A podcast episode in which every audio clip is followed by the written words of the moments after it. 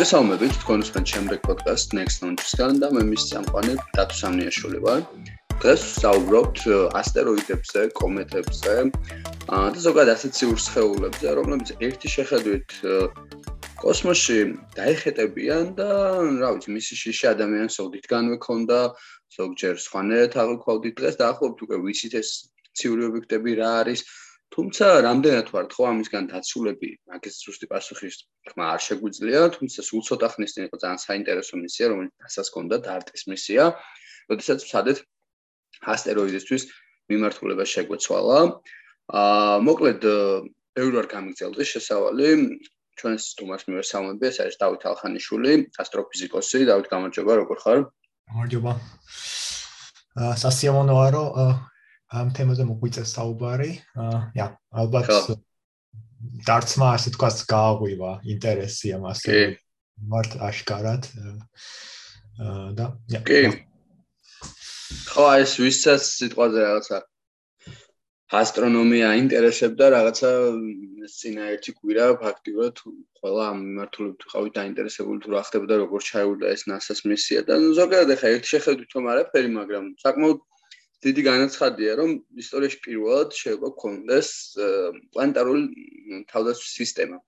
და აღარ ვიქნებით რაღაც თვალ იმას დამოკიდებული, ხო, დამოკიდებული პლანეტის ატმოსფეროსა თუ რაღაცა სხვა ციურ სხეულებზე, რომლებსაც უნდა დააგვიცვან, რომ რაღაცა დიდი ასტეროიდი არ ჩამოვარდეს ჩვენს პლანეტაზე. თუმცა სანამ უშუალოდ დარტის მისიაზე გადავიდოდით, აი ჩამოვარდნა ვახსენე და რა ვიცი, შეგვიძლია ალბათ ესე მივყვეთ. და გავიხსენოთ ჩვენ ამდენად გავიხსენეთ თავიც მაგრამ ნუ ვიცით ესეთ ინფორმაცია გვაქვს რომ დაახლოებით 2 მილიარდი წლის წინ იყო ყველაზე დიდი ასტეროიდი ჩამოვარდა მოკლედ დედამიწის ისტორიაში. და თუ არ მეშლება 300 რაღაც კილომეტრიანი კრატერიც დატოვა ხო? თვითონ იყო 160 კილომეტრი ზომაში. აჰა აჰა. ეს არის სამხრეთ აფრიკაში. აჰა. ვინმე აღმოჩნდებით რომ ანუ სავარაუდოდ ანუ ძალიან დიდი მნიშვნელობის ასე ვთქვათ მოვლენა იყო. ანუ ანუ როგორც მეცნიერები ამბობენ ძალიან რთული ასე ვთქვათ გაიგო ანუ მართლა როგორი ანუ ცვლილები გამოიწვია დედამიწის ზედაპირზე. აა იმიტომ რომ ასე ვთქვათ იმ დროინდელი ასე ვთქვათ ნიმუშები არც ისე შემონახული არის. მაგალითად თუ შევადარებთ იგივე რამაც გამოიწვია დინოზავრების გადაშენება ეს ცოტა უფრო აა შემდეგი მოვლენა ეს ასტეროიდი რომელიც ზომით უფრო პატარაც იყო. აა და მასზე მონაცემით გაგაცლებით მეტი ვიცით ასე ვთქვათ. და იმ პერიოდზე ასე ვთქვათ რა ტიპის ორგანიზმები ცხოვრობდნენ და როგორ შეიცვალა მისმერი ანუ თუ თუ ზორამ დაიწყეს დომინაცია დედამიწის ზედაპირზე. აა და ასევე ბევრი თეორიაც არსებობს, ანუ რომ ანუ შეიძლება თვითონ ციტოცხლის არსებობა და ანუ ასე ვთქვათ ეს ნახში ესე კარბონი ასე ვთქვათ ნახშირადი ნახშირბაძე დაფუძნებული ციტოცხლე კი ბატონო ანუ ეს შემოტანილი იქნა მეტეორიტების მიერ. მაგალითად, იმიტომ რომ აა 75% მაგალითად ამ ასტეროიდების და მეტეორიტების არის ძირითადად სწორედ ეს ნახშირბადის შემცველობის.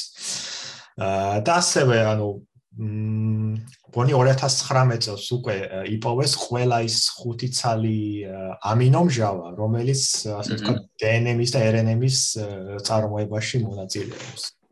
ანუ როგორც მეცნიერები ამბობენ ეს არნიშნავს დაზასტურებით რომ მართლა აქედან დაიწყო, მაგრამ ის აშკარად მიუთითებს, ანუ ასე ვთქვათ, შეიძლება, ანუ ამის არის ამის ვარაუდიც, რომ ანუ თქო პირველი ცოცხალი უჯრედი მართლაც სადაც ატმოსფეროდან შემოვიდა დედამიწის ზედაპირზე. და თვითონ ეს წარმოიშვა ეგ კიდე ალბათ უფრო ასე ვთქვათ მისტიური კითხვა არის, რომელსაც ალბათ კიდევ კიდევ ბევრი წელი კვლევა დაჭირდება სამწუხაროდ. ხო, ანუ ესე იგი რეალურად შეგვიძლია ვთქვათ, რომ შეიძლება ეს ასტეროიდები, რომლებიც აი ესე უბრალოდ რაღაცა თითქოს ქაოტურად მოძრაობენ კოსმოსში, ა სიცოცხლის მესენჯერები, გამავრცელებლებიც იყვნენ, ხო? არა მარტო დედამიწაზე, ხო? შეიძლება ესე გადააქვთ რაღაცა ნიუტრიერებები და სადაც შესაბამისი გარემო ამ შემთხვევაში დედამიწაზე იყო, იქ მე ეს სიცოცხლე ვითარდება და იღებს ეს ფორმებს როგორც ახლა მე და შენ ვართ მაგალითად და შედოთ და ამაზე საუბრობთ ხო? ევოლუცია თავის საქმეს შვება შემდეგ ასე თავარი ასე ის სკოტ ესე ტესლი ჩაიდოს ამ დედამიწის ზედაპირზე იმას აღმოცენდება ეს სიცოცხლე ხო და ეგ არის საინტერესო რომ ეს გადამტანი შეიძლება იყოს სწორედ ეს ასტეროიდები ხო რაღაც დონე კი კი ანუ არის ამ ვერსიები ნუ დადასტურებით ანუ მეცნიერებს არ უყვართ ასე ვთქვათ აა სულ თრო დარწმუნებული იყვნენ რაღაც 90%-ზე მეტით, ანუ კიდე ანუ ერთ-ერთი თეორია ეს განიხილება. და შეიძლება კიდევაც მართლა ეგრე იყოს. მაგას ალბათ რო გვიჩვენებს. კი ბატონო. ხო და აი გუშუალოდ ეხა მე მინდა და იმაზე იმაზე გადასულიყავით რა ვქო. დინოზავრებიც გაგვეხსენებინა, მაგრამ აი მაინც შეიძლება ხა იმ სმენელმა სიტყვაზე კონკრეტულად ასწავლო, არ იცოდეს რა განსხვავება ასტეროიდსა და აა რა ვიცი კომეტებს შორის ხო მაგალითად და ანუ აი ბარემ ესეც ხო არ აუხსნათ აი დეფინიცია რა არის ასტეროიდის რა არის კომეტასი რა არის განსხვავება მათ შორის ხო სხვათა შორის ამ კითხვაზე დებატები მგონი მიდიოდა 2 საუკუნე ანუ მას შემდეგ რაც დაიკვირვა პირველი ასე ვთქვათ ასტეროიდი ასე ვთქვათ სერესი რომელიც არის ამ ასტეროიდების სარტყელში. და დასაწყისში მაგ ადგილას სადაც ეს ასტეროიდის სარტყელი ყოლოდნენ რომ აღმოჩნდა პლანეტა. ანუ არსებობდა ესეთი ემპირიული კანონი რომ ყოველი შემდეგი პლანეტა ორჯერ მეტი მანძილით უნდა იყოს დაშორებული ვიდრე წინამორბედი რას მიახლოვით ეს მართლა მუშაობს და რატომღაცა მარსსა და იუპიტერს შორის არ იყო არანაირი პლანეტა და მაგას დიდი ხანი ეძებდნენ და მგონი 1800 პირველ წელს მოხდა სერესის დაკვირვება და ასე თქვა შეგვიძლია აღვნიშნოთ ეს პირველი ასტეროიდი მაშინ დაიკვირვა მოსკოვს. აა ნუ ეს ალბათ სადღაც შეიძლება ვთქვა ორი საუკუნე მგონი მეჩნდება რა ის ასტეროიდი. და მგონი 2006 წელს შეთანხმდნენ რომ ეს გადაერქმნათ ამაშის ასე თქვა ჯუჯა პლანეტად. აა ნუ ჯუჯა პლანეტა ცოტა სხვანაირი დეფინიცია აქვს გარდა ანუ ასტეროიდი უფრო ასე თქვა ესეთი ფორმა აქვს ასეთი არ ვიცი. აა არასფერი სფეროსებული ანუ მისი გრავიტაცია არა იმდენად ძლიერი რომ ანუ ეს სფეროს ფორმა შექმნას. აა მაგრამ ჯუჯა ასე თქვათ პლანეტებს პროსპეროსებული ფორმა აქვთ.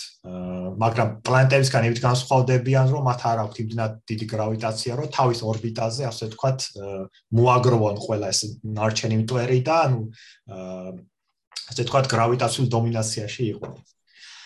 აა და კომეტა შეგვიძლია ასე ვთქვათ, რომ ესაც ასტეროიდი არის, მაგრამ აქვს უფრო ასე ვთქვათ გაწელილი ორბიტა, ასე ვთქვათ, ანუ ის ის მოძრაობს ძალიან დიდ მანძილებზე, ან მან შეიძლება ჩაუქროლოს რამდენიმე პლანეტას, ის არის ასე ვთქვათ ორბიტაზე, როგორც ასტეროიდების სარტყელი.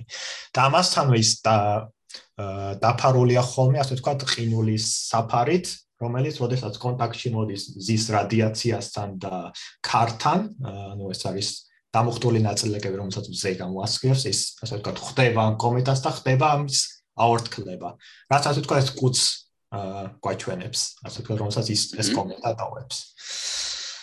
აა ანუ ეს ობიექტები, ანუ როგორც ხელს ძალიან ბევრი თანხმედრა არის, იმიტომ რომ 2013 წელს მაგალითად NASA-მ აღმოაჩინა, რომ CERES-ი ასევე არის წყლის ნარჩენები შეიძლება აღმოაჩინოს. ანუ ესაც შეიძლება ჩავთვალოთ კომეტად, რომელსაც არ აქვს დიდი გზელი კუდი. აჰა. ანუ ამ ამიტომ ერთ ერთ დიდ ჯგუფში ჩასწვეს როგორც მახსოვს სახელი სახელიც კი შეუჩიეს გონი ამ ასტეროიდებს და კომეტებს. თუ გამახსენდა ეს რაღაც მზეში მოძრავი, მზის სისტემაში მოძრავი ობიექტები თუ რაღაც გავსი სახელი ქონდა თუ სწორად მახსოვს. აჰა.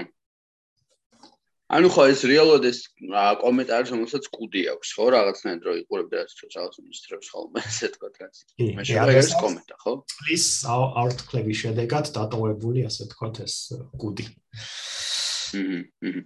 აი ზომების შემთხვევაში ზომები ახსენე შენ დაახლოებით ჯუჯა პლანეტა რაღაც მაგრამ დაახლოებით თუ გვაქვს უბრალოდ წარმოდგენილი აი საიდან სად თავდება და სად შეგვიძლია ვთქვა რომ ეს კომენტაა და ასტეროიდია და სად შევთქვა რომ არის სუპერ რაღაც ჯუჯა პლანეტა მაგალითად და ხო აი ხო ახსენეთ ჩამოვარდაო დაახლოებით 160 კილომეტრი თქვი ხოლმე მგონი რომ შეიძლება ამ ხელა შეიძლება იყოს მოკლედ აი მაქსიმუმი რაღაც აი ასტეროიდი, რომელიც შეიძლება დაეცეს კიდეს ჩვენს პლანეტას ან საფრთხე შეუქმნას ამას შემდეგ.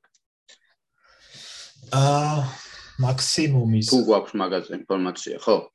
როგორც ვიცი, ანუ ასე თქვა, არ არის დაზუსტებული, ანუ რა სადამდე შეიძლება ეს იყოს. ანუ ეს უფრო ალბათ სიმკრივეზეა დამოკიდებული ობიექტის, იმიტომ რომ მის იმის მასა თუ იმდენად დიდი არის, მაგალითად შავი ხრელი, ასე თქვა, ხო არის პატარა ზომა, მაგრამ იმდენად კომპაქტური არის, რომ აი ეს გრავიტაცია, ასე თქვა, ყველაფერს ძლევს. ანუ მას ჩვენ არ შეგვიძლია დაუძახოთ ასტეროიდი თავისთავად. ანუ ზომები ნაკლებად უფრო მნიშვნელოვანი ვიდრე რა სიმკრივეა ამ ასტეროიდს, ასე ვიტყოდი, ანუ მისი მასა განსაზღვრავს ჩემი აზრით და სად იმყოფება ამასთან, იმიტომ რომ იმის გვერდზე თუ არის უფრო დიდი ობიექტი, ამა ის დომინირებს და ის გახდება პლანეტა და ეს უფრო თანამგზავრი იქნება.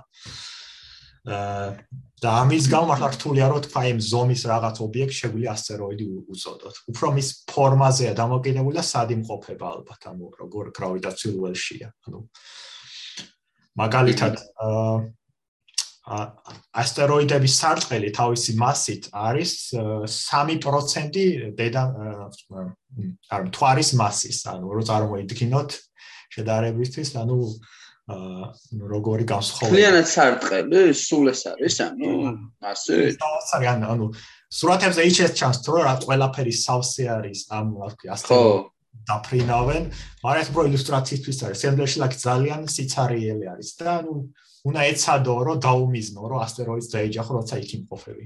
მაშინაც კი.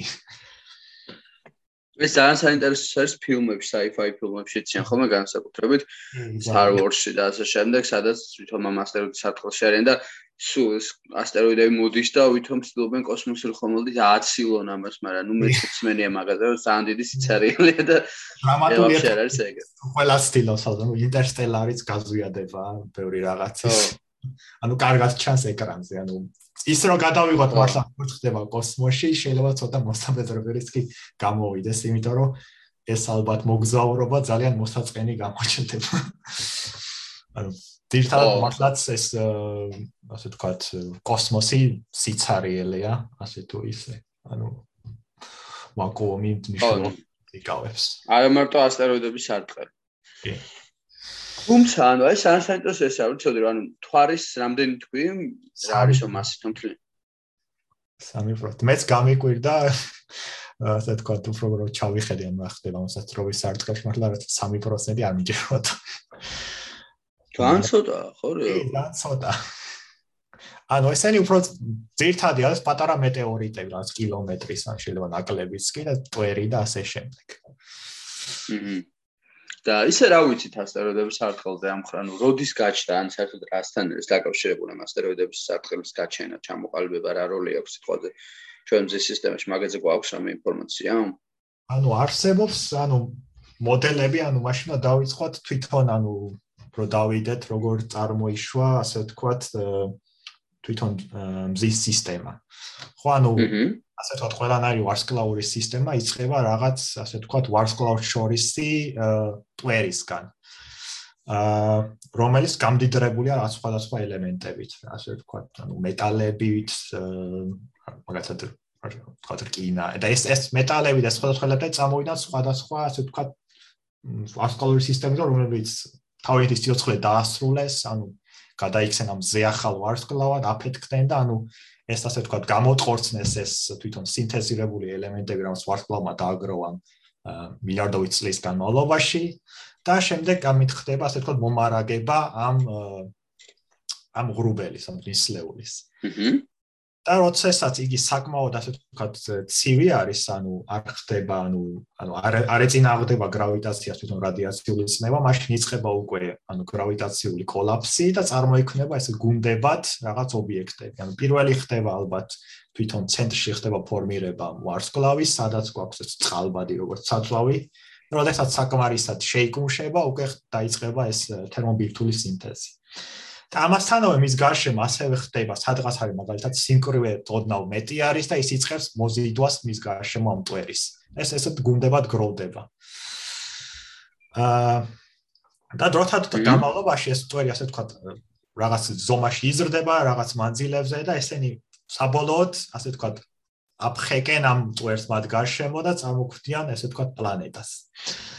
აა მაგრამ ზოგან ანუ მაგალითად თუ სიტყვა წარმოიქმნა ორი დიდი ობიექტი პროტოპლანეტა და მათ შორის ანუ ისეთი ასე ვთქვათ გრავიტაციული ურთიერთქმედება ხდება რომ ანუ ისინი იწვევენ ასე ვთქვათ შეშფოთებებს რომელიც საშუალებას არ აძლევენ რომ იქ ყოფ ტუტერის ნაწილაკებს ასე ვთქვათ სტაბილურ ორბიტაზე იარონ რომ ასე ვთქვათ დროთა განმავლობაში მათაც შეკრიბონ იმდენივე მასა რომ პლანეტად იქცნენ და ამის გამო ისინი ვერ ქმნიან ასე ვთქვათ ერთ სფერულ ობიექტს ასე მასიურს რომელსაც თანაგზავრები აქვს და ესეთ გაფანტული ხდება ასე ვთქვათ ერთ სარტყელში მაგალითად ამის კაი მაგალითი არის ანუ სატურნის რგოლები რო ავიღოთ ესაც მსგავსი ურთიერთქმედების გამო, ანუ ამის გამო არ აქვს მას თანამგზავრი, მას უფრო სარტყელი, იმიტომ რომ ვერ შექმნა ამ ასე თქვა სარტყელში ესე თქვა თანამგზავრული ობიექტები, რომლებშიც ყველა მასა თავმოყრილი არის. იმის გამო რომ მაგალითად აა ანუ არ მინდა ცოტა ესე თქვა მათემატიკურ ნებში წავიდე და მიზეზი ამის რომ რაღაც ორბიტ ან ორბიტალური პერიოდები, ანუ ის დრო რაც ჭირდება რომ ერთხელ შემოუვარს მზეს, რაღაც ორ პლანეტას მაგალითად რაღაც ფარდობაში თუ აქვს, მაშინ ხდება მაგალითად ეს. და მათ შორის მოქცეული მატერია ვერ ახერხებს კოლაფს. და ასტეროიდის სარტყელიც ამის მიზეზი არის რომ არსებობს. იმიტომ რომ ის მოქცეული არის მარსსა და იუპიტერს შორის, ისინი რაღაც გარკვეული პერიოდებით მოძრაობენ, ანუ და რაღაც მომენტში ანუ ეს გრავიტაციული ურთიერთქმედება სინქრონიზირდება, როგორც მაგალითად საქანელაზე რო პერიოდულად აწვევი, ხო, უფრო დიდი და დიდი, ასე ვთქვათ, აა უფრო მაღლა ადის. იგივე შეიძლება გადავიტანოთ, ანუ ამ პლანეტარულ მოძრაობებზე. ანუ რაღაც მომენტში ესენი სინქრონიზირდებიან თავისი ურთიერთქმედები, ანუ რეზონანსში მოდიან და საშუალებას არ აძლევენ ამ მატერიას, რომ ანუ სტაბილურ ორბიტაზე იარონ. შეუძლია ასე ვთქვათ, გადააგდონ ამ სტაბილური ორბიტიდან და მოშორდეს საერთოდ. ანუ აღარ ქონდეს იმის საშუალება, რომ აკრიფოს ეს ტვრის ნაწილაკები და თვითონაც გახდეს, ასე ვთქვათ, აა მეცხრე პლანეტა, ასე ვთქვათ, დედამიწის დედამიწასთან ერთად. ვა. ანუ ეს არის გამოკიდებულები რაღაცნაირად, ხო გამოდის? ვა. ის ის დამაინტერესა ახლა მე სიტყვა და იუპიტერის როლზეც მე მსმენია რომ იუპიტერს საკმაოდ დიდი როლი აქვს ამ ხრივ თავისი დიდი გრავიტაციის ხარჯზე უფრო თავისკენ იზიდავს ამ ასტეროიდებს სისტემაში და უფრო გვიცავსო რა და ეს რამდენად ეგრეა და რამ თუ რამ გაზვიადებულია ცოტა ეს რაც იუპიტერის როლი ამ ხრივ რა შეგვიძლია მაგაზე თქვა თუ იცი სიმართლე თქვა მაგის შესახებ არ გამიგია. ანუ ის ის რომ იუპიტერს დიდი როლი აქვს თვითონ ასტეროიდების სარტყელზე, ეგ ეგ მართალი არის. ანუ ეს ისე იმ იმას იმ პოინტს რო დაუბრუნდე რომ ანუ როგორ შექმნა ასტეროიდის სარტყელი ეს დიდი ნაწილი იუპიტერის დამსახურება არის, რა თქმა უნდა. აჰა მაგრამ ის რო ესე თქვა იგი ასე თუ ფარის როლს ასრულებს კი რატომაც არა ნუ რაღაც შემთხვევით თუ რაღაცამ ჩაურბინა იუპიტერს რა თქმა უნდა მას შეუძლია თავისი ასე ვთქვათ ძლიერი გრავიტაციული ველით შეუცვალოს ტრაექტორია მაგრამ საითკენ შევთვის ეს ტრაექტორია არის ის არის. ხო მას შეიძლება ჩვენს ჩვენ დაგვიმიზნოს თავისკენ იზიდავსო მე ესე ვიცოდი უბრალოდ რომ თავისკენ იზიდავს და თავის იმაში მოაქცევს რა თავისი დიდი გრავიტაციით და ჩვენსკენ იმ ხელა აქვს იმ ობიექტს რო ასე ვთქვათ გაიქცეს ამ გრავიტაციულ ველს თავის თავისლად შეუძლია რომ ასე ვთქვათ პირიქით ასე ვთქვათ დაგვიმიზნოს აქეთ შემთხვევით. ანუ ეგაც ანუ ეგეთ შემთხვევით მოსულა ხო და აი ამ დამიზნებაზე რო საუბრობთ ალბათ შეგვიძლია უნდა გადავიდეთ ამ თავარი თემა რაც არის ალბათ ასტეროიდთან დაკავშირებით ხო ეს დარტის მისია და რეალური ანუ ეს ასტეროიდი ხო მაინც კაცობრიობის ასოცირდება საფრთხესთან და არა კიდე ცივასთან რაც უფავში ვკითხე რომ შეიძლება სულაც ცეცხლის გამორცელებელიც იყოს ხო სკაუსი სიური ობიექტები ხო ნუ ფაქტია რომ საფრთხესთან ასოცირდება იმიტომ რომ ხედავთ გვაქვს კრატერები და აგერ დინოზავრების გადაშენებას. და ამ ბევრს მიეშნე რომ დაკავშირებული არის ძირითადად ამ თავარი ასტეროიდის ჩამორეს თუმცა აქაც არის ბევრი დავა და ბევრი კვლევა ამბობს რომ საერთოდაც ბოლო კვლევა რაღაც დაიდო ამ თემაზე იყო რომ როდესაც ასტეროიდი ჩამოვარდა 12200 მილიონი წლის წინ დინოზავრების გადაშენების პროცესი უკვე ფაქტიურად დაწყებული იყო და ანუ საერთოდ ანუ ვერ ვიტყვით იმასე რომ ამ ასტეროიდმა უშუალოდ დააჩქარა ეს პროცესი თუ საერთოდ ჩაერიაო რა.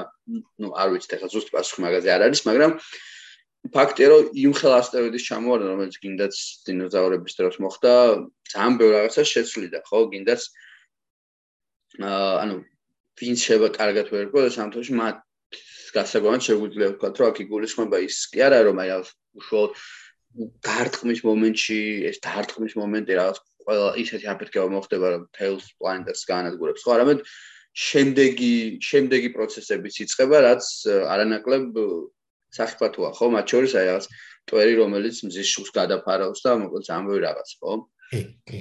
მაგრამ ამასთანავე ასე ვთქვათ პოტენციალი იქნება რომ სხვა ორგანიზმებიც რომელიც ასე ვთქვათ ადაპტირებული არიან ასე თუ ისე ამ მდგომარეობას ისინი უფრო ასე ვთქვათ გავრცელდნენ ზედაპირზე ანუ არ ნიშნავს რომ სიცოცხლე სრულდება ანუ რა თქმა უნდა. ორგანიზმის ადაპტაცია შეუძლია ამებთან უფრო ადვილად ის ასე ვთქვათ გადარჩება თავის დროზე და ვთქვათ ძლებს ცხოვრებას.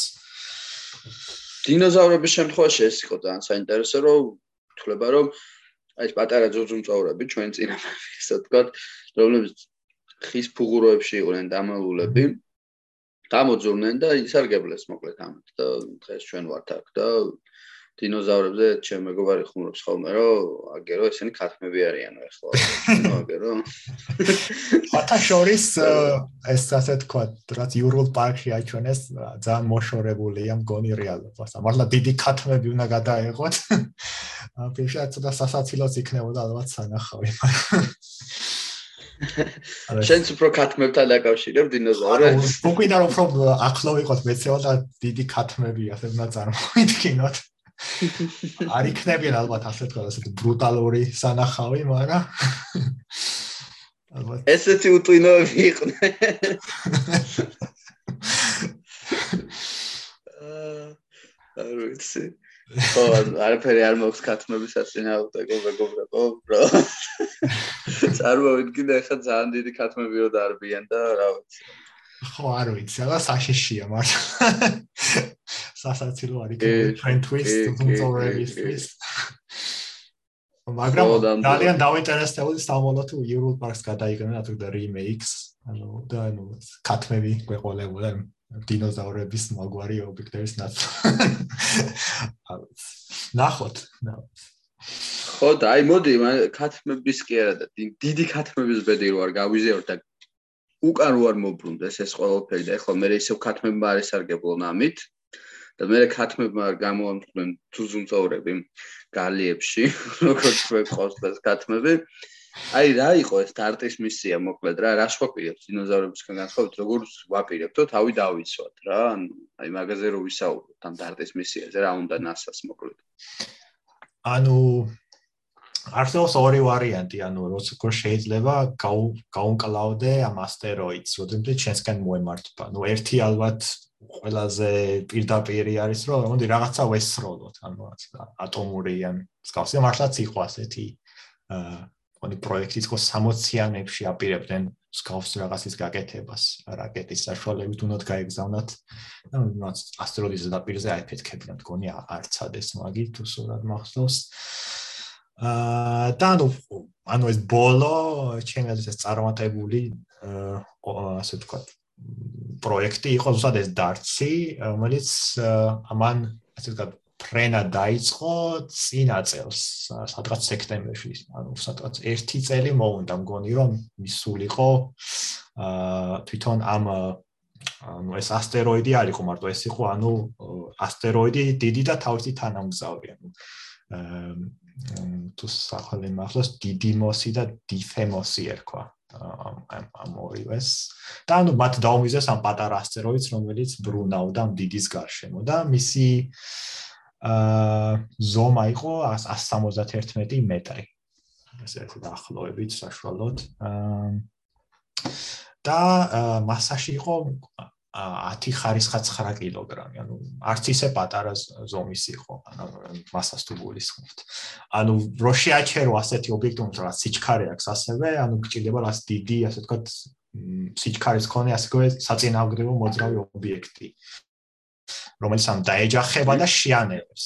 როდესაც შენელდება ეს ობიექტი, ანუ მას მას შეუძლია აცდეს, ანუ დედამიწას, ანუ რა ხდება, ანუ რაღაც დროის მერე ხო ეს ასტეროიდი და დედამიწა ერთმანეთში იკვეთება.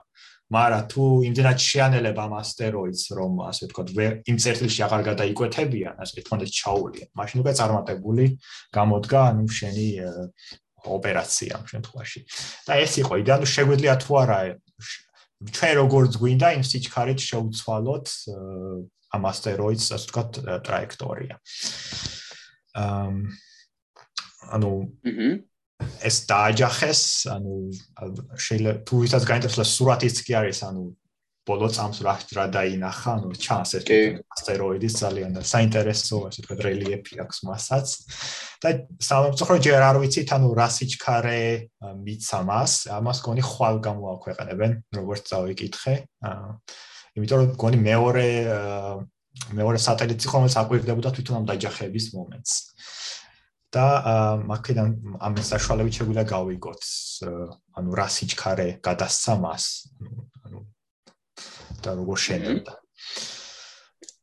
ანუ რეალურად რა ვქენით უნდა გავიგოთ ცოტა ხანში ხო? ანუ ერთია რომ შევაჯახეთ და შევცვალეთ მაგრამ საჩვცვალეთ ხო ერთია დამიზნება და მეორე თუ მოახერხეთ ზუსტად სიჩქარე ისე დაგვიგდო რომ ჩვენ როგორც გვინდა ისე ისე ტრაექტორიაზე წასულიყო ეს ასტეროიდთა სისტემა. ანუ ეს ანუ ერთის მინდა აღნიშნო რომ საჭიროა ანუ ეს პროექტი არ იყო გათვლილი აი ზუსტად რომ ეს იყოს ასტეროიდი თანამგზავრით ეს იმიტომ არჩიეს რომ სიჩქარის გაზომა მარტივი არის როდესაც ორბიტირებს. ანუ შეგიძლია დააკვირდე როგორი რეკლავს სინათლეს და როდესაც ეს ბნელდება რაღაც პერიოდის მერე ვიცი უკვე რა პერიოდზე მოძრაობს ეს შენი თანამგზავრი ასტეროიდი. და მაქენა შეგიძლია სიჩქარე გაზომო უფრო მარტივად. ანუ ეს იყო იდეა. და როგორც თუმცა ნუ ხო ორ წელიწადში მგონი კიდე დამატებით აპირებენ მეორე თანამგზავრის გაშვებას. ეხლა უნდა და იმავე იმავე სისტემას უნდა დააჯახონ, ოღონდ ახლა მთავარს, ანუ ცენტრში რომელიც არის. ანუ დიდ ვა. ანუ ჩემად ძალიან საინტერესო და ასე მარტივი მეთოდი არის თავდაცვის იმასთან შედარებით ვიდრე რომ რაღაცა ბომბი გლიჯო. მაგალითად რომელსაც არ ვთრა ან ბრიუს უილისი დასვა და გაათხრევინო მე ეს ეს ნახეთ რა ვარიანტი არის და მგონი ეხაც მოსულა ალბათ მეტი მეტი ის გვინდა ეგეთი ეგეთი პერსონაჟები გამოვზარდა სკოლა უნდა იყოს. ო მაგრამ რეალურად ბრიუს უილისი პერსონაჟი ანუ არმაგედონიდან ფილმი არმაგედონიდან აა უსაქმური დარჩებო დაუსაქმებელი დარჩებოდა ამ პერსონაჟს თუ ესე უბრალოდ რაღაცა საჯახებ მოკლედ არც იქ დაჟდომა და ეს არ მოგიწევდა და. ხო და აი არის საინტერესო ანუ იქ მე ბევრი შეკითხვა დაისვა ამ მისის დროს ისმებოდა ესე შეკითხვა რომ აა ოკეიო რა ეს გასაგებიო და ნამდვილად შეგვიძლია ეს თუ არ მეშლება ეს ასტეროიდის თვარე თუ რაღაცას შეაჯახეს დაახლოებით იყო სტადიონის ხელა ხო ზომაში ეს ციური ობიექტი. კი ანუ დაახლოებით ეგეთი იყო მახსოვს და აი ხა რო ვამბობ ჩვენ იქ რო 160 კილომეტრიო და ამ შემდეგ ანუ ესეთი ობიექტი რო წამოვიდეთ მაგის შე როგორ წარმოგიდგენია არ ვიცი ნასარას ამს არ ვიცი მაგას. აი მან უკვე მეც მეც აი მაგას რას ვაჯახებ მაშინ ალბათ იგივე მაგრამ უფრო დიდი სიჩქარე ან თავარი ხო ეს იმპულსი გადასცეს ხო. ან თუ მასაში რიგებ მაშინ სიჩქარე თუ უნდა ახლა მაგრამ ეს ძალიან სტრაფი იყო საკმაოდ სტრაფი იყო ესეც რაც შეეჯახა. თუ არ მეშლებ ციფრებში აღარ მახსოვს რამდენი საკმაოდ სტრაფად მოძრაობდა ეს ციურის ეს ციურიაში კოსმოსური ხომალდი რაც შეეჯახს არა?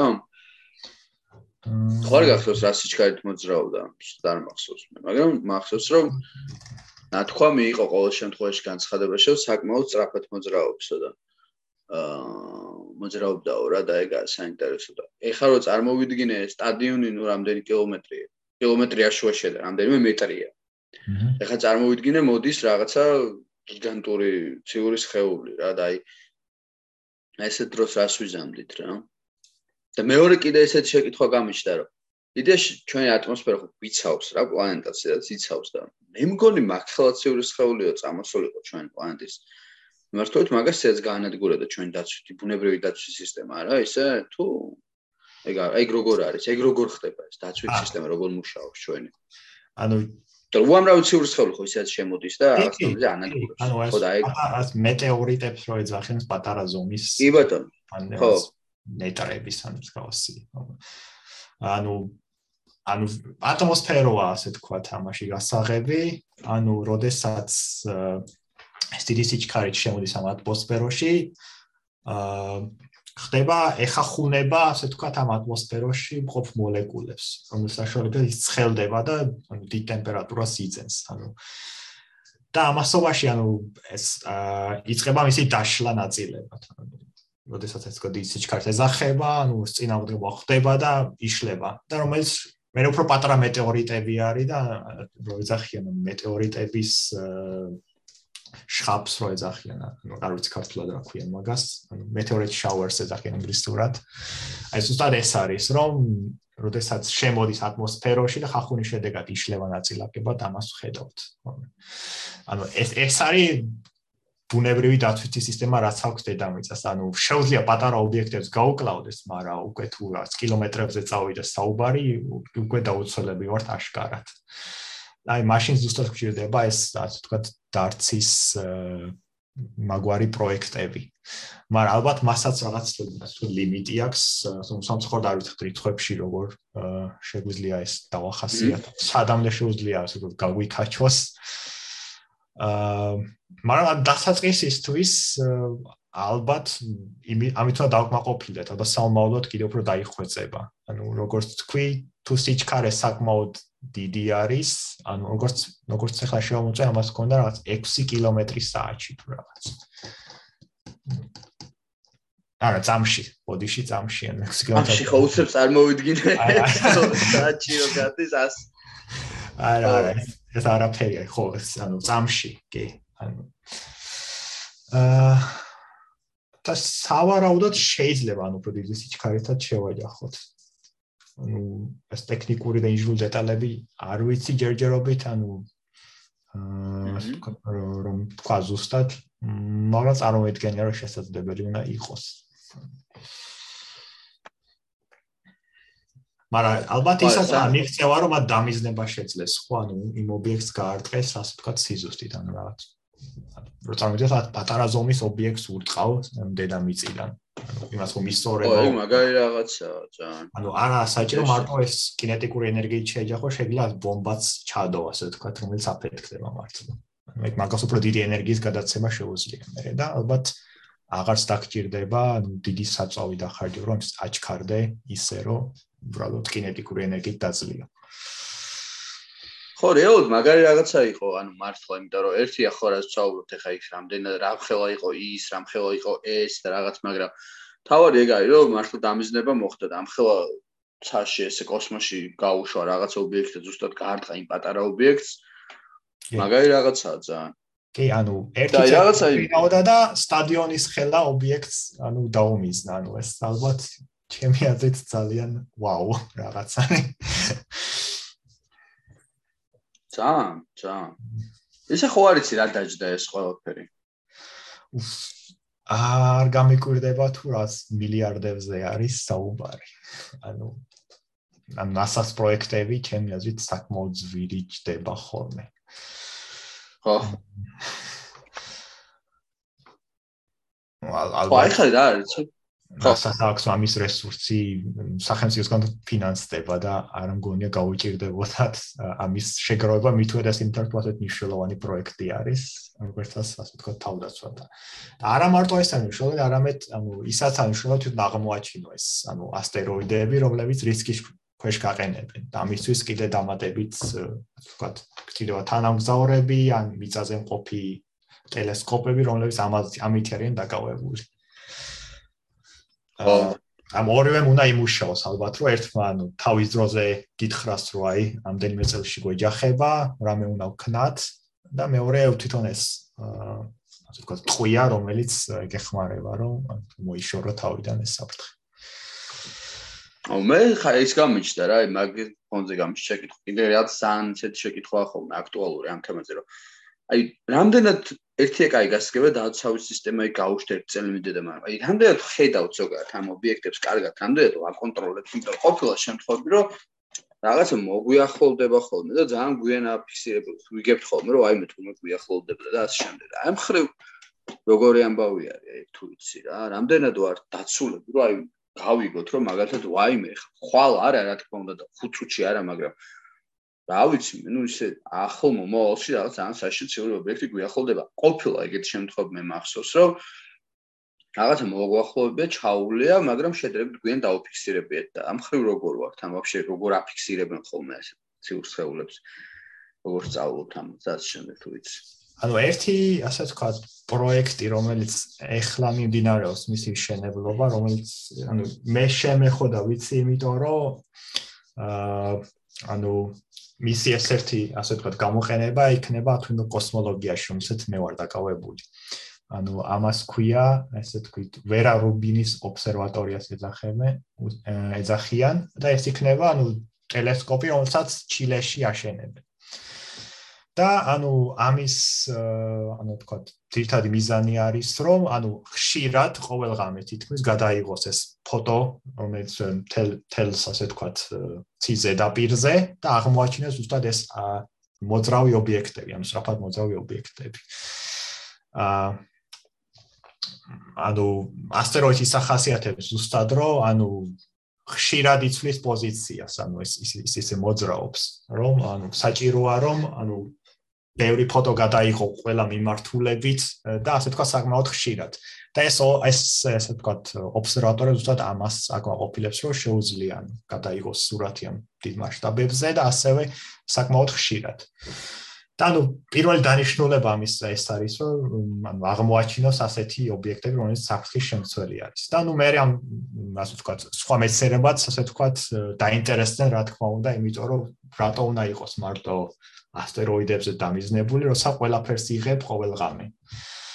და აა, ამის გაშ შეიძლება ასე ვთქვათ, სხვა რაღაცებიც გავიგოთ, ანუ ასე ვთქვათ, ფუნდამენტურ მეცნიერებებზე, რომელთაც მე ვარ დაინტერესებული, ასე ვიცი. ანუ ეს ერთი პროექტია, რომელიც მე გამიგია. და აა სავარაუდოდ კიდე იქნება სხვა, არა მარტო ასე ვთქვათ, დედამიწის დედაპირზე, ანუ თვითონ თანამგზავრის სახითაც. აა როგორც თქვი, ანუ საჭირო არის მართლა, იმიტომ რომ უნდა იცოდე ხო საიდან მოდის ეს ასე ვთქვათ, დეგეჯახება. ანუ თუ არ იცის რას ესვი მართლა. ანუ ნახოთ. მე უფრო ხო, ხო. ხო. ან მე უფრო ახლა მითი დავინტერესდი რომ კოსმოლოგიასთან იყო დაკავშირებული ეს პროექტი ამ გარდა ამისა და ანუ ასე ვთქვათ გამიხადა ორ ორ რაღაც ორი კურდღელს კლაუდნენ ერთი ასე ვთქვათ მოწყობილობით.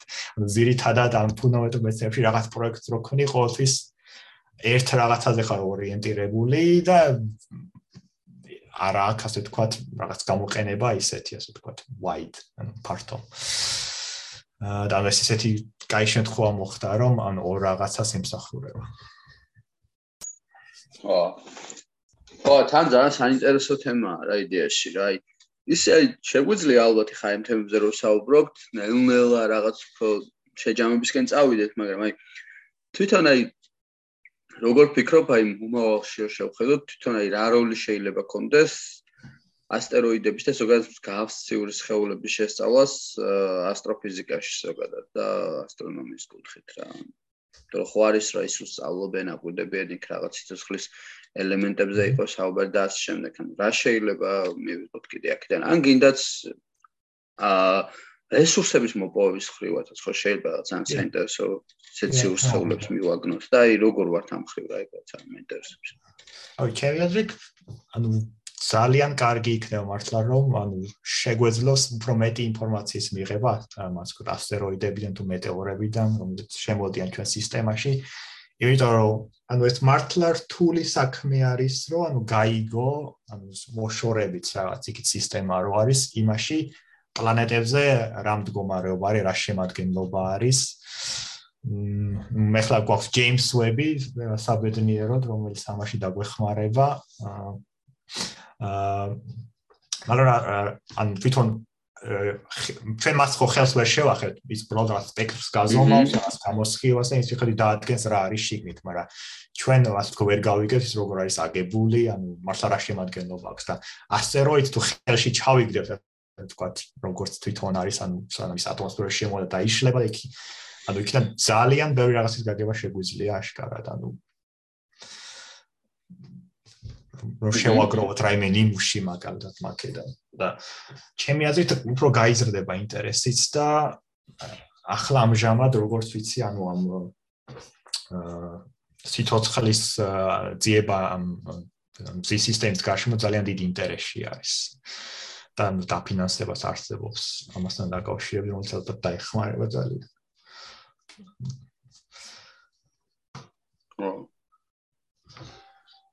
და ანუ იდეაში ჯამბო რაღაცაზე შეგვიძლია მაგით მივიღოთ ალბათ პასუხები, ხო და მათ შორის ანუ რაღაც აი რამდენად რამდენად მრავალფეროვანი შეიძლება იყოს ესეთი ასტეროიდები, აი მათი კონსისტენცია, შემადგენლობა და ეგეთ რაღაცებიც მაინტერესებს, ალბათ ჩვენელსაც აინტერესებს, რადგან ამ თემაზე ვართ. აა ანუ როგორც ვიცი, ანუ არის, ანუ შემადგენლობის მიხედვით სამ ტიპად ყოფენ, ანუ ერთი რომელიც ვახსენე, ანუ ეს რომელსაც ნახშირბადი აქვს ძირითადად. აჰა. აა კიდე არის მეორე, რომელსაც მეტალები აქვს. ანუ ისეთი მეტალები, რომლებიც ნაკლებად იშოვება მაგალითად, ანუ ნაკლები კონსისტენციით არის დედამიწის ზედაპირზე. აა მაგალითად არის ირიდიუმი მაგალითად, როგორც მაგალითად აი ეს რო ჩამოვარდა ასტეროიდი, რომელმაც ასე ვთქვათ, დინოზავრების გადაშენება გამოიწვია სავარაუდოდ, ზუსტად ისე მიხვდნენ, რომ ეს ასტეროიდისგან იყო აა ეს ასე კრატერი დატოვებული, იმიტომ რომ ძალიან ბევრი ირიდიუმი იყო იმის გარშემო, რომელიც არ ნაკლებად იშოვება ასე ვთქვათ დამჯის ზედაპირზე. და კიდე არის რაღაც სილიკატების, ანუ უფრო ქვის მაგვარი, ასე ვთქვათ ასტეროიდები და იქ იქ ალბათ უფრო კომპლექსურ კრისტალურ სტრუქტურებს წავაწყდებით. და ეს რაც 17% არის მგონი ასტეროიდების მსგავსი სახის. ანუ კიდე არის რაღაც პატარ-პატარა ტიპები, A ტიპი, K ტიპი, P ტიპი, ანუ მოსაც კი სხვა ელემენტებიც აქვს. ამე ისეთი არ არის? ბრილიანტები რომ მოიპოვონ, ანუ ანუ თუ ანუ თუ სინკრივე იმხელა იყო, ანუ წნევა, როდესაც ეს ასტეროიდი წარმოიქმნა, რომ ნახშირბადი ხო შეიძლება დაპრესო, მაშინ იქნება ზუსტად ეს ალმასი. ხო. თავისთავად შეიძლება მოსულნელი იყოს, რომ ალმასიც აღმოაჩინო, ანუ ზუსტად ეს C-type ასტეროიდებში ალბათ უნდა მოველოდეთ სკავს. აა სურპრიზებს. თავისუფლად შეიძლება რაღაც ეგეთი. და თუ იმამდე მივალთ, ანუ ასე ვთქვათ, sci-fi-ში რო გადავეშვათ, რომ იქ მივტრინდეთ და გაუშვათ, ასე ვთქვათ, მაგარო მომშავეები, რომელსაც მასტეროიძე იმუშავებენ. ძალიან ბევრი ესეც მოყვება შეიძლება თავისთავად. ანუ ანუ ასე ვთქვათ, ეკონომიურადაც ალბათ მომგებიანი იქნება. ну თუ საწავი იმხნად იაფი იქნება და რაღაც ისეთი გვექნება ანუ ასე ვთქვათ, თერმობირთვული საწავის გავსი. ალბათ ეკონომიურადაც გამართლებული იქნება, რომ დავიწყოთ მათი მოპოვება. ან თუ ასპლენდაც მივახციეთ, მაშინაც ალბათ ძალიან ბევრ რაღაცას აღმოვაჩენთ. შრომელთა უფლებების დასაცავად ალბათ მაგას ხაზი უნდა გაუსვათ, რომ თუ ეგეთ ტექნოლოგიებს შევქმნით, წესით და ლოგიკურად იქ რობოტებს გავაგზავნეთ. კი. როგორც მეშახტეებს. კი. რა თქმა უნდა ნუ ეს მე შახტე რობოტი მოდი ასე თქვა თუ მაშინ რობოტებს უკვე რაღაც უფლებებზე დაცვის პრეტენზია არ ქონდათ ანუ ეს თუ ხელოვნური ინტელექტი ისე განვითარდა რა ვიცით ნახოთ. ო არა. ვახ საინტერესოა და ეხლა უცებ გამახსენდა ესეთი სერიალი არის ან მიყვარს სხვა შეხ Sixpence გაფართოება ქართულად კი კი მე მე ძალიან მიყვარს ზუსტად მანდ არის ანუ ეს ასტეროიდზე ვინც ასტეროიდელები. კი კი და მანდ არის ეს ასე იგი აი სანელისტვის შემიძლია თქვა ვინც არის ეს სერიალი გირშევთ პირველი და მე შემიძლია თქვა თუ რა არის რა და მოკლედ არის სისტემაზე მზის სისტემის მომავალზეა და ნუ კაცობრიობას მეტნაკლებად უკვე ათვისებული აქვს არიან დედამიწელები, მარსელები და ასტეროიდელები რა და ეს დედამიწელები მოკლედ რაღაცა ისევ ისევ ართ, ისევ ისევ გულისხმობს რომ რაღაც მაინც აქედან გავიდა მთელი ეს ცივილიზაცია მთელი ამბები რაღაცა და მაინც დომინირებს როგორც რაღაცა ესე ვთქვათ რა ვთქვათ აი როგორც ქვეყანა უკვე აღარ არის ხო იქ რეალოდ არის დედამიწელი მარსელი და ასტეროიდები და მარსელები უფრო ტექნოლოგიებზე არიან კონცენტრირებული და ეს ასტეროიდები ამ შემთხვევაში რა ჩვენ თემასთან ამ შემთხვევაში არის უფრო ახლოს არიან აი ეგრე გაშვებული ტიპები, რომლებიც მოგონი ზოგი დაჭერილე ციხეს იხდიდა იქ თუ რაღაც, ხო? რაღაცა იქ მოკრიმინალო ელემენტები თუ რაღაც ეგეთი ტიპები არიან რა. ზირითადად დაბალი კლასის მოქალაქეები ხო?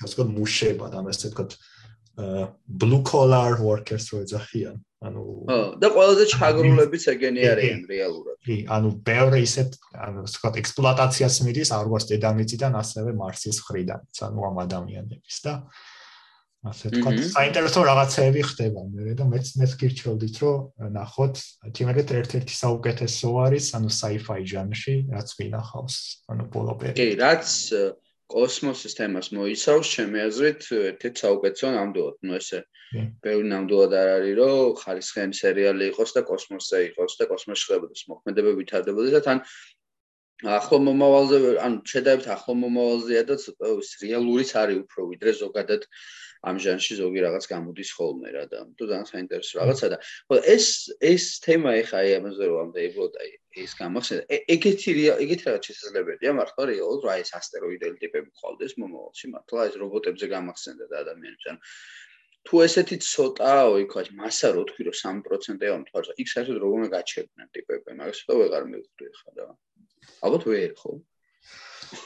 ანუ 3% არის, მაგრამ ეს ცოტა მაინც არ არის, რომ წარმოიდგინო თვარის ხელა ის გაკ ასე თქვათ, მადანი, რომელსაც ბევრი რამის ამოღება შეგიძლია.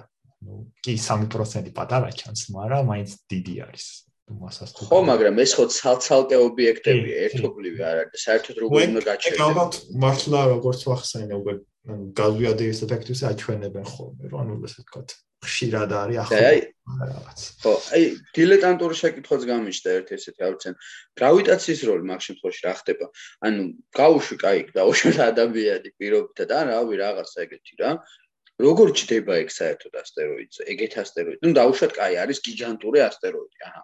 დაუშვათ არის 160 კილომეტრი, რაც ჩამოვარდა მაშინ. აი, მანდ რა ხდება? ანუ ვიცით მთვარეზე როგორ ფარფადებს ადამიანი და ესეთ ცირე ზომის ციურ ობიექტზე როგორ მუშაობს ნეტა გრავიტაცია და ადამიანი ეგაა ძალიან საინტერესო. საერთოდ რა ხდება მაგ დროს? როგორ წარმოგვიდგენიან და კი, ანუ თუ იმდენად მცირე არის რომ ადამიანის მიზიდო არ შეუძლია, გქონდა მართლა პრობლემა იქნება, მაგრამ ხო და ეგა საინტერესო, საიდან იწყება ეგ თუ ვიცი შენ და ხო საიდან შეუძლია მიზიდო და საიდან აღარ შეა. მე დაუდგები რაღაც კაფანდრით და თუ გამიტაცა კოსმოსსაც. მეების მიერის ხელ რომელიც შენ ანუ ხელის მასაზე მეტი არის, მიგიზიდავს ეს ყოველთვის ესე ხდება. აა ანუ ანუ ის ის უნდა იყოს რომ ანუ მარტო შენ და ეს ობიექტი უნდა იყოს გარშემო. თუ იქით კიდე რაღაც დიდი ობიექტი არის მაშინ ორივეს ეგიზიდავთ ну რაღაც მანძილის მერე ის უფრო ძლიერი გახდება ალბათ იმის მიზიდვა და იქითკენ წახვალ თუ ისე ახტირო ამ თქვენ ამ ასტეროიდიდან შეუძლია ასე ვთქვათ გაიქცე ამას ანუ ანუ აი 5 კილომეტრის სიგრძის ასტეროიდზე რომ დავждდე მიმისიდავს? კი, მიგიზიდავს. ანუ ჰაერში ჰაერში არ გაჩერდა. ო, რა საინტერესოა, კარგად არ ვიცი. კაი, დაუშვათ ჩავედით უფრო კოებოდ 1 კილომეტრი კი არა და ვაფშე რამდენიმე მეტრია, აი 500 მეტრი. ანუ აქეთ მასა მასაზე მივდივართ, ანუ და ნუ ჩემზე მეტია, ოკეი, აი. ხომა დავივიწყე. 500 500 კილოა რა. 100 კილო მიგიზინავს. და მე ვარ აი მე ვარ პირობითად არ ვიცი სიტყვად. აი მოდი ესე ვთქვათ, არის 200 კილო რა. მე ვარ 65 კილო. მაინც მიმიზიდავს და 201 კილო კონე ადამიანი თუ დადგა გვერდზე აქეთ მიმიზიდავს. აუ რასტიკიზე იქნება. წარმოიდგინე მაგასტეროიდზე რო ცხოვრობ ტიპი რა. და ნუ კაი ბევრი საჭმელი როგორც აღებული რაღაცა, მაგრამ აი ძალიან დაბალანსებული რო ხარ. ცოტა და 5 კილოს თუ მოიმატე უკაკეთ რო იზიდაო რა. გიჟივით რო ვარჯიშობ რო რაღაცა. სასაცილო იდეაც გამეჩდა, ანუ შეგვიძლია ესე გაუშვათ ასტრონავტი ცოტა ასე თქვათ. ძიმე წონის, რომელიც მოაგროვებს ხოლმე როგორც მაგნიტი. პატარა ზომის ტუეს, თუ ექანა მივახცი, რა თქმა უნდა. აა, ну, თავის დავა. ვა. მაგრამ ხო, აი ესე მუშაობს გრავიტაცია, ანუ რომელიც უფრო დიდი არის ის იგებს. ანუ ერთმანეთისკენ იზიდავთ მომენტ. რა გიშლო, მაგრამ შენ უფრო იზიდავ ვიდრე ის პატარა. მასაში არის ემთხვევით ერთმანეთს.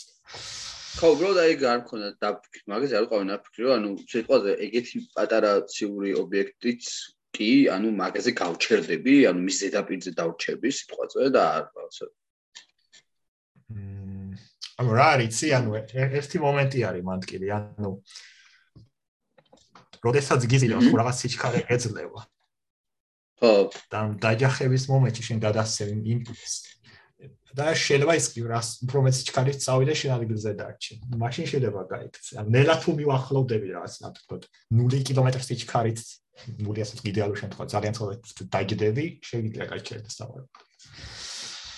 თავარია ანუ იმის იმის მასა შენზე მეტი იყოს.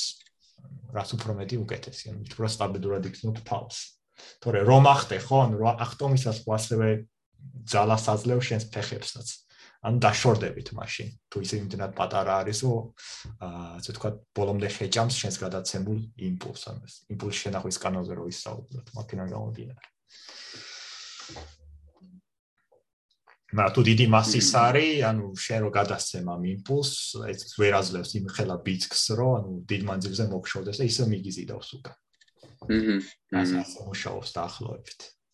ან მაგიტომაც არის რომ თვარეზე რო ხტები ისე უკან ბრუნდებ ან პატარა თვარე რო იყოს იმაზე რო ახტე ერთმანეთს ასე თქვა ფეხებს კარავთ ფაქრობრივად და ის იქით მიდი შენაკეთ.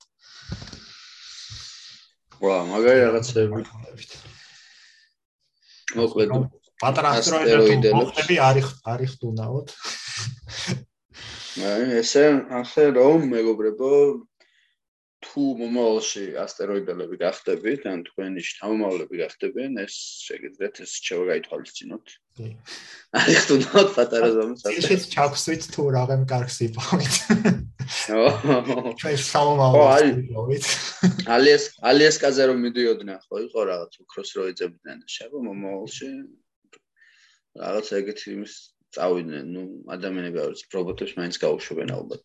თავის მეც წარმომიდგენი, ანუ თვითონ არა, მაგრამ ანუ კომპანიები გაჩნდება რაღაც კორპორაციები და გაუშვებენ ალბათ რაღაც. თუ მანამდე თავად არ დაგვეცა ერთ-ერთი მათგანი. თავად თავად თვითონ თუ არ მოგვიტანა ბრილიანტები და პლანეტაზე. რამდენიმე ტონა. ვინმე დონავთ რომ დარცის ასე თქვა შემდეგი თაობა. გაუნჯობეს შედეგებს. კი. ნამდვილად და ნუ დავალოდოთ ესე იგი შედეგს რაც გავიგებთ დარტისგან, ანუ რეალურად როგორ შეუცვალეთ მიმართულება. ანუ როგორ თქვით დღეს პოდკასტში ესე იგი ეს არის რომ ერთია რომ და ერთი არ და მაგარია ეს რომ მოხერხდა იქ დამიზნება და მეორეა რომ საწავიდა ის და ზუსტად რამდენად ანუ ისე შეიცვალა მიმართულება როგორც სიტყვა და მეცნიერს უნდათ გამოითვალა გამოთვლილი ქონდათ და მიზანი იყო ესეთი აა არ ვიცი მე მგონი ეს არის ამ თემაზე რაც დღეს შეგვეძლო ჩვენ გვესაუბრა აა თუ არის რამე ისეთი შეგიძლია მითხრა და გავაგრძელოთ, ესე იგი მაგას საუბარი, თუ არ და შეგვიძლია ნელ-ნელა ალბათ დასრულსკენ წავიდეთ. გონი ყველა ასე თქვათ თემა მოვიხილეთ ისე რომ ანუ მაყურებელი არ დავიქეთ ასე თქვათ ამ სამეცნიერო დეტალებით, რომელსაც ახლა ჩემთვის პროსაიტი იქნება რიცხვებში და ფორმულებში რა წავიდეთ.